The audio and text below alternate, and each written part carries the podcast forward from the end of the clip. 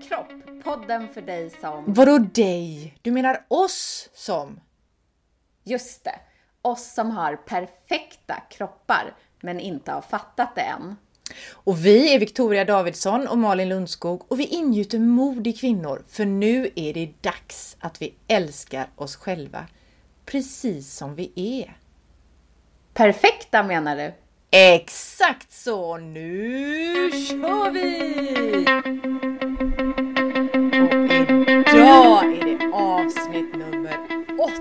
Och vi ska prata om kroppspositivism och om det är så att coronapandemin kan vara vändpunkten för vårt sätt att se på våra kroppar. Men först, Victoria, läxan med tacksamhet. Hur går det? Jo, det har gått bra. I helgen har jag varit helt ledig och det är jag så tacksam för. För även om eh, den här podden kommer ut på söndagar så det är ju inte på söndagar vi spelar in den. Så ehm, jag har varit helt ledig. Eh, och det är ju alltid skönt. Men det jag gillar bäst är ju att när jag är ledig, jag har ju varit ute i skogen och promenerat och sådär. Och då, det är ju då jag bara är. Och det är ju det som jag älskar. Eh, så jag har känt att jag är tacksam över själva ledigheten men också att jag har jag är tacksam för min kropp, att den orkar gå långa skogspromenader. Den kan, min kropp kan gå typ hur långt jag vill. det är väldigt bra. Vad härligt! Men du, jag tänkte också på det med tacksamhet. Jag tänkte på min kropp när jag satt och skrev om tacksamheter i morse. Då skrev jag just om detta att jag är så jäkla tacksam över att min kropp vill röra på sig. Ja. Den verkligen älskar när jag tar ut den på morgonpromenader eller löprundor eller långa vandringar. Och det är jag tacksam över. Ja, det förstår jag. Men du, det här med kroppspositivism, vad är det egentligen? Eh, jag tänker att man ser ju massa konton i sociala medier med kvinnor som visar upp sina kroppar. Men de kontona man ser, eller i alla fall de som jag ser, är ju oftast eh, större kvinnor, överviktiga kvinnor.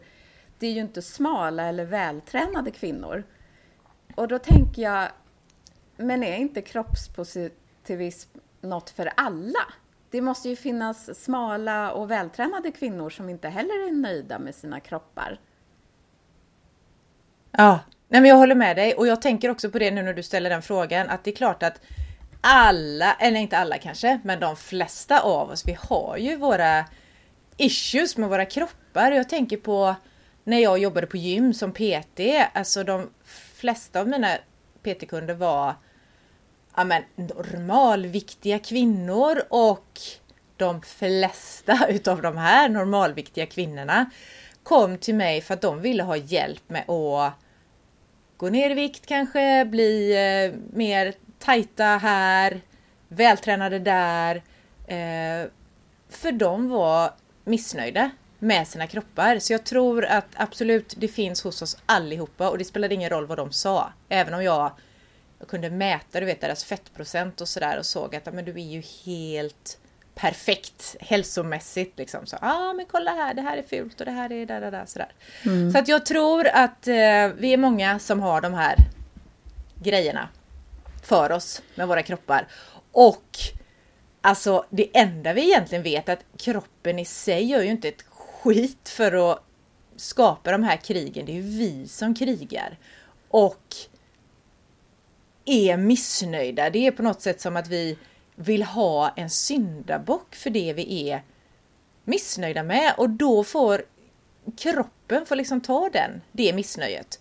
Men tillbaka till din fråga då, är inte kroppspositivism någonting för alla? Jag tror att det är det, men det är också så här att så fort någon gör revolt Eh, så som man tänker sig att de här kvinnorna som du pratar om då som har de sociala kontona, överviktiga kvinnor, som då känner sig kanske alla andra överkörda och tror att de inte räknas. Så att, fasen, hur gör man för att få med alla på det här tåget? Ja, eller är det verkligen så att tjocka och smala står i varsin ringhörna och krigar mot varandra? Eller är det som... Det är ju som att en smal eller vältränad just nu inte har rätt att känna skam över sin kropp. Och i så fall blir ju, hur ska jag säga, eh, i så fall blir det ju som att kroppspositivismen blir exkluderande i sin tur. Och så tror och hoppas jag inte att det är. Jag tror folk har fått nog av det skeva idealet om hur man ska se ut. Främst kvinnor har fått nog, i alla fall jag. Oftast är det ju valkar och övervikt som visas upp som kroppspositivism. Men kan det vara så att det är för att det är så himla tydligt och lätt att visa det? Kontrasterna blir ju så stora om man jämför en trådsmal fotomodell med en tjock person. Mm. För egentligen är ju själva den här, vad säger vi, rörelsen kroppspositivism, den är ju, den är ju görbred och den i grunden vill ju den säga att alla vi människor har rätt till våra kroppar. Och jag, jag tänker också att den, det är en rörelse som uppmuntrar ja, men våra, äh, individernas uppfattning att vara nöjda med oss precis som vi är. Och jag är fortfarande helt säker på att det egentligen sitter på insidan. Att det inte handlar om utsidan och utseende utan det sitter på insidan. Det är vi, har, vi har på något sätt fått lära oss att vi ska fan inte vara tillfreds och nöjda för då kanske, då kanske våran utveckling stoppas. Och vi vill ju på något sätt hela tiden sträva mot något som är bättre. Och jag tänker på, det finns någonting som som heter villkorad självkänsla kallar man det och det innebär, du vet att man har områden i livet som ja, men vi mäter vårt eget värde utifrån, ja, men det kan vara till exempel karriär eller social status kanske, eller någon prestation i idrott eller, eller då det som vi pratar om här egentligen, kroppsbilden. Och det är ju förväntningar vi har på oss själva alltså villkorat mot någonting. Mot någonting som karriären eller kroppsbilden till exempel då. Det är ju så jag mäter. Ja, det är nog inte bara du. Jag mäter ju mitt egenvärde i hur mycket jobb jag har och vilken typ av jobb. Eh, och jag tror att jag gör det för att jag har ju redan förlorat kampen om att vara smal. Och då måste jag istället vara bäst på jobbet för att räknas som en bra människa. Oh. Och jag tänker det här om utseendet då generellt, är, nu säger du att du har förlorat någon kamp i det här kriget liksom. Men om utsikt, eller utsikten, om utseendet är viktigt eh, för oss, då är det inte så jädra konstigt om självkänslan går upp och ner beroende på hur man känner sig när man kollar sig i spegeln. För alltså, ska du må bra i det långa loppet så tänker jag då är det ju jätteviktigt att man jobbar liksom mot det här med att utveckla en långsiktig positiv kroppsbild. Som sitter, ja men som jag sa, som, som mer sitter liksom genuint på insidan och inte utifrån att man ser sig själv. Idag ser jag görtrött ut, idag ser jag jättepigg ut. Utan att det, det sitter på insidan. Ja, då hela tiden utsättas för bilder på perfekta kroppar i tidningar och sociala medier det kan ju verkligen göra att man känner sig missnöjd med sin egen kropp. Ja. Oh. Ja, precis det man ser hela tiden. Och dessutom kan det också sitta kvar sen, ja, men sen vi var barn. Man kanske blev, jag, vad vet jag, retad i skolan eller någonting eller fick någon kommentar från någon.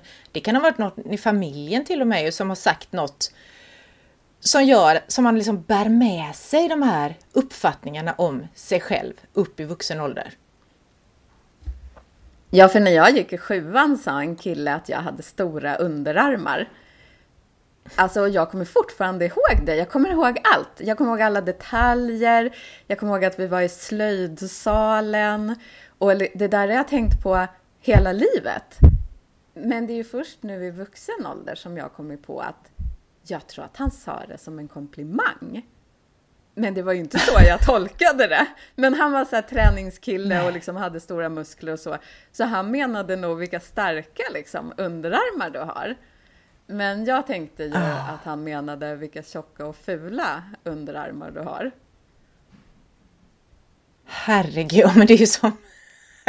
Det är så när jag ha, eh, också högstadiet någon gång på gympan så hade vi längdhopp och jag vet att, och jag, och det har jag berättat förut då, min, mina liksom tankar om min rumpa. De fanns redan där och då. Eh, och då sa min gympalärare till mig att när jag hade hoppat ett längdhopp då, du, du är lite baktung. Och jag har ju, och det här, alltså det här har också suttit fast det är ju inte många år sedan som jag fattade det att herregud, han pratar ju om tekniken när jag hoppar. Inte om att din rumpa är för stor liksom. Snacka om att vi kan ta åt oss utifrån vad vi själva har för uppfattning om oss. Ja. Men kan det vara så här att de tjocka fick nog först och därför är det sådana mm. bilder som Instagram svämmar över av just nu? Och sen så kommer de smala och de vältränade och de äldre och alla möjliga. De kommer liksom efter. Mm. Det här kanske bara är början på en hel jäkla revolution. Tänk om kroppspositivism är 2020-talets sätt att bränna bhn. Mm. Historien upprepar sig. Men krävs det alltid ett krig när normer ska ändras? Jag har tänkt skitmycket på det och jag tror att det nog är så att det inte det kan inte gå fredligt till när det är någonting sånt här stort som ska ändras på något sätt. Jag tänkte på det när metoo-rörelsen kom och eh, då en av mina söner som är en klok ung man, men han sa det måste de vara så överdrivna i det här och då, jag vet att vi pratade just om det, att då, ja, man måste nog vara så överdriven och visa på alltså de här stora skillnaderna för att det i slutändan ska jämna till sig på något sätt. Så jag, jag tror fasen i mig att det behövs krig, eller i alla fall någon form av aktivism liksom för att som du sa då, då kommer de smala, de vältränade, de äldre, de kommer efter. Men det behöver vara någon som går före. Mm. Men du, vi skulle ju prata om coronan också. Ja, just det! Eh, jag tänker att corona, den här jädra pandemin, den kan vara vändpunkten på så många olika saker. Men om vi nu ska snacka om kroppen som vi gör här då, så kan den faktiskt vara vändpunkten på vårt sätt att se på våra kroppar. Jag tror att det här faktiskt kan vara så att det är liksom en chans för oss att släppa utseendefixeringen och istället fokusera på hela oss. Alltså att en perfekt kropp måste på något sätt innebära att vi också har en perfekt knopp. Och vi pratade om vad vi menade med perfekt i förra avsnittet så att det kan ju de lyssnarna som undrar vad vi menar med det, det kan de ju lyssna på det då. Men jag tänker att det förutsätter att vi nu har chansen då få ihop det här, kroppen, knoppen och själen kanske, att vi slutar dela upp delarna och ser hela oss, alltså som en helhet och inte kroppen som en ensam företeelse, eller vad ska jag kalla det, som ska tuktas och kontrolleras. Ja, nu är vi ju utom kontroll i och med corona. Jag tänker att antingen blir det värre, typ det enda jag kan kontrollera är min kropp. Eller så blir det bättre, du vet när vi lufsar runt hemma i myskläder hela dagarna och upptäcker hur himla bekvämt det är. Vi kommer kanske inte vilja knä ner oss i fodral sen. Eller kommer vi vilja det ännu mer sen när vi äntligen får igen. Ja, det är skitspännande. Men jag, jag tror, sen vet jag ju inte, men jag tror att det nu har vi ju, de flesta av oss har ju tid nu, alltså tid för det här med eftertanke och reflektion och tid att hinna med och känna alltså vad det är som verkligen, verkligen betyder någonting. För det blir ju, det, alltså många grejer blir ju verkligen satta till sin spets, eller hur man nu brukar uttrycka det. Att nu har vi den här möjligheten att känna efter, vad är det som är viktigt? Och nu har ju vi i Sverige varit väldigt förskonade, men jag tänker det man ser på många utländska konton som har coronafrisyrer. Ja. Alltså de går inte till exempel till frisören, de, för de har inte fått gå ut, de har ju suttit i karantän och instängda och sådär. Så att det kanske visar sig att det där är inte så jädra noga egentligen, hur vi ser ut. Är det här en period som kommer gå till historien som, kommer ni ihåg när kvinnor helt plötsligt slutade lägga så mycket energi på hur de såg ut och istället använde den energin till att fixa världen? Eller kommer ni ihåg när normerna ställdes om till kärlek och acceptans? Gud, nu stakade jag mig. till kärlek och acceptans. Man får staka sig när det är så här viktiga grejer. Man får alltid staka sig. Men du, ja, fasen alltså. Tänk. Ja, jag tror att det blir så. Vi är med om något stort här. Och jag tänker bara det som var nu presidentvalet i USA för någon vecka sedan. att Kamala Harris roll till exempel, den kommer ju att bli grymt betydelsefull. Ja. För att det här du sa med förebilder och man ser, man behöver se liksom andra andra modeller eller på att säga, jag vet inte vad jag ska säga, varianter av människor, att alla är okej. Okay. För hon blir ju, du vet den här första kvinnan i, som då är vicepresident och hon är ju Ja, hon är ju framförallt inte gubbe, det är ju de man har sett de vita gubbarna där ja. Eh, för det mesta. Men hon är ju både afroamerikan och asienamerikan. Om man nu säger så, jag vet faktiskt inte det. Och så just hennes uttryck som jag känner är så jädra hoppfullt för det som du och jag pratar om här också med kroppen. Just det här every little girl. Alltså alla ska ha möjligheten att vara som de är och också möjligheten att känna att de fasen i mig kan lyckas. Så vi behöver förebilder som är jag menar, en variation på förebilder då. Mm. Och någon att känna igen oss i också. Och jag tänkte på en annan spännande grej. Eh, jag lyssnade på podden Brené Brown har en podd som heter Unlocking Us. Och förra, eller kanske för förra avsnittet, så pratade hon med en kvinna som heter Elisabeth Lesser som är någon, hon är författare och hon har hon har massa institut för välmående och sådär i USA och hon har skrivit en bok som heter Cassandra Speaks. When women are the storytellers, the human story changes. Alltså, ah, jag tänker att nu är det fasen i med chansen det här när kvinnor berättar historien. Då blir den annorlunda. Så det kanske är det som du säger, nu är vi mitt i detta.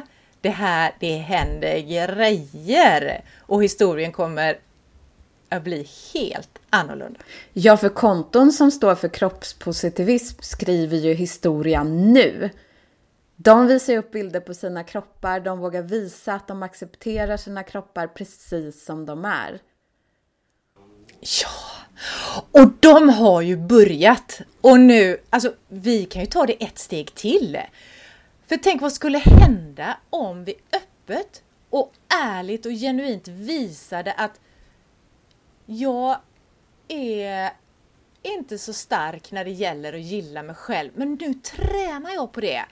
Och jag tränar, tänk om jag skulle lägga upp så här bara, nu ska jag träna 45 minuter tre gånger i veckan på att gilla mig själv. Och jag tänker inte göra det genom att du vet, träna hårt, utan jag gör det genom att röra på mig och känna hur det känns. Inte den här prestationen, utan verkligen, jag känner hur kroppen känns. Och jag gör det genom att titta på mig själv, alltså se mig själv i spegeln och känna hur det känns. Och nu då är det en vecka kvar i november och jag tänker att du och jag, vi har ju redan börjat med att ha det här ärliga att ja, men vi har ju mycket att jobba på när det gäller att gilla oss själva. De här samtalen vi har här, det är ju rena terapiarbetet. Ja, verkligen. men vi har ju börjat träna på tacksamhet som jag är helt säker på är ett, ett steg på vägen till att faktiskt gilla, i alla fall acceptera oss och våra kroppar som vi är. Och jag skriver ju tacksamhet varje dag. Men det finns ju många sätt att träna tacksamhet på. Som innan vi började spela in idag när du berättade att du inte trodde att du gjorde läxan till exempel. För att du inte gjorde exakt som fröken Malin sa. Men jag tänker så här att precis som det finns driljoner perfekta kroppar så finns det också driljoner perfekta sätt att träna tacksamhet på. Ja, jag skriver ju inte, men jag säger till mig själv i stunden när jag liksom kommer på att jag har gjort något eller är någonting som jag är tacksam över och jag är nöjd liksom. Då bara säger jag tack för det här eller ibland skickar jag små så här, pussar ut liksom, till mig själv.